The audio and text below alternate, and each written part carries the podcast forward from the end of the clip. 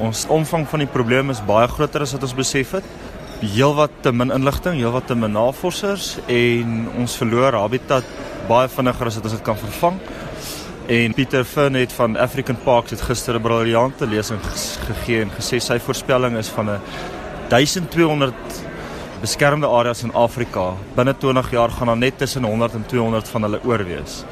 En dit is uh, dis ek ek meen jy kry hoendervleis om te dink aan met al die vermoë en kennis en navorsing en geld en NGOs en en wat mense daarin investeer om natuur te bewaar en die diere daarin en die ekosisteme is die voorspelling nog steeds dat ons gaan eindig met 100 of 200 beskermde areas. So my kinders gaan nie gaan nie hierdie diere in Afrika meer sien nie. Ons gaan dit in Suid-Afrika sien en jy gaan dit op 'n wildplaas sien want hy's agter geelektrifiseerde heining en daar loop 'n sekuriteitswag elke aand saam met hulle en hy kry kos en hy word beskerm en hy kry medisyne, maar in Afrika dis uh dis te donker, die prentjie is te donker. Maar ten spyte daarvan beer julle voort, julle het eh, het nou net vir my vertel van 'n interessante manier wat julle dalk hierdie ding kan teewerk. Ons weet dalk nog nie hoe ons by die antwoord gaan kom nie, maar ons moet net iets probeer. En wat ons doen by die Universiteit van die Vrystaat is ons probeer nuwe goed. Goed het ons op op skape en beeste suksesvol byvoorbeeld al gedoen het in die verlede, probeer ons nou op verskeie wildspesies.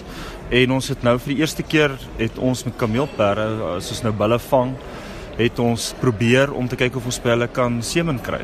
En dit het gewerk. En dis die eerste wat ons ooit van wille kameelperde kon saad kry. Wat beteken as jy bietjie na die groter prentjie dink, as ons dit goed kan bewaar, langtermyn kan ons geïsoleerde populasies in Afrika kan ons uh, nuwe genetiese materiaal mee stimuleer om koeie kunsmatig te insemineer.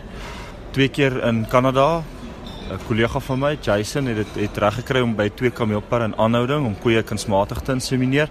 En nou oor 3 weke vang ons weer kameelperde en ons gaan dit probeer en kyk of ons op wille kameelperde koeie kan kunsmatig insemineer. En dan kan dit natuurlik uitkring na al die ander subspesies toe.